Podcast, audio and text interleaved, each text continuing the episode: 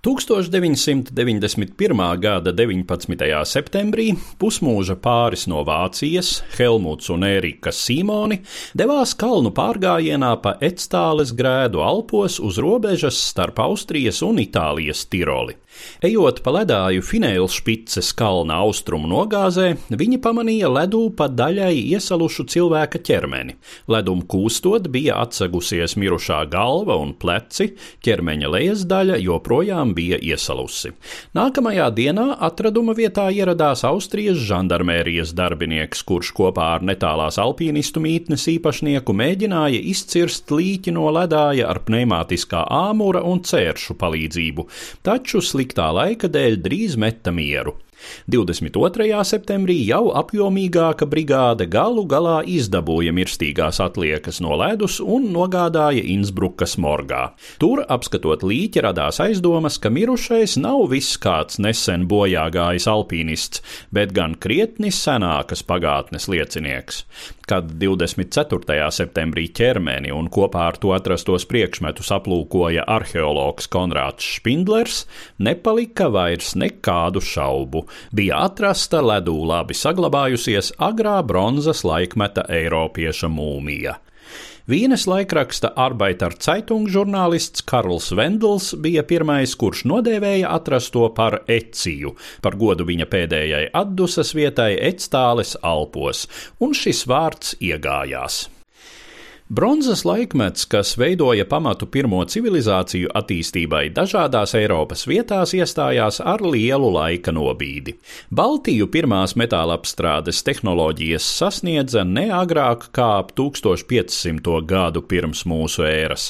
Savukārt Alpu reģionu, kas atrodas tuvāk senākajiem metāla apstrādes centriem Balkānos, pāris tūkstošgadus agrāk, tieši ap to laiku, kad dzīvojis Ecīs.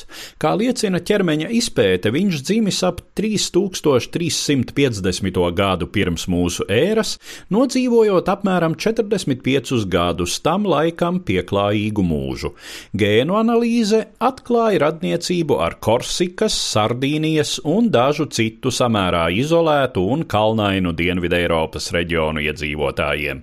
Taiskaitā no 3700 apsakotajiem mūslaiku tiroliešiem 19 izrādījušies attāli ecie radinieki. Tātad viņš piederējis tiem senajiem zemkopiem, kas apmēram pirms desmit tūkstošiem gadu dzīvojuši tuvajos austrumos un vēlāk ieplūduši Eiropā, sasniedzot Apenīnu pussalu un Alpu reģionu apmēram pirms pieciem tūkstošiem gadu, bet vēlāk tikuši jaunāko ienācēju indoeiropiešu asimilēti. Ecija kāju muskuļi rāda, ka dzīves laikā daudz staigāts pa stāvām vietām.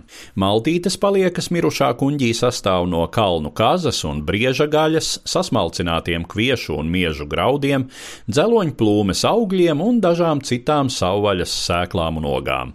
Ecija apģērbs prasmīgi gatavots no dažādām dzīvnieku ādām, sastiprinot ar lūkiem un dzīslām. Tajā ietilpst cita starpā lāčādas cepure un pamatīgi apavi ar lāčādas zoli un briežādas virsu. Par piederību bronzas laikmeta kultūrai liecina īves kā tā iestiprinātais cirvja asmens, gatavots gandrīz no tīra vāra ar pavisam nelielu alvas pieaugumu. Šis rīks, kā arī pārējais ecija apģērbs un ekipējums norāda uz augstu sociālo statusu. Visdrīzāk viņš bijis dzimtas galva, varbūt arī cilts vadonis, un līdzīgi kā vairums citu šīs cilts vīru mūžu vadījis uzraugot ganāmpulku, tā laika ļaužu lielāko bagātību un galveno iztikas avotu. Plēsīgu zvēru un kaimiņu cilšu laupītāju uzbrukumi jādomā bija senatnes ganu ikdiena, un viena no šādām cīņām visdrīzāk arī izrādījusies ecijam pēdējā. Uz mirušā drēbēm atrastas gan viņa paša, gan vēl trīs citu cilvēku asiņu pēdas. Savukārt mirušā plecā dziļi iestrēdzis bultas uzgalis. Viens gan ir skaidrs - Ecija līķis nav kritis uzbrucēju rokās. Viņš vai nu bijis spiests ievainots, bēgt un sagaidījis savu pēdējo stundu kalnu vientulībā, vai arī kritis kaujā un ciltsbrāļu ar godu apbedīts, dodot līdzi bagātīgu arsenālu dzīvei viņā saulē. Stāstīja Eduards Liniņš.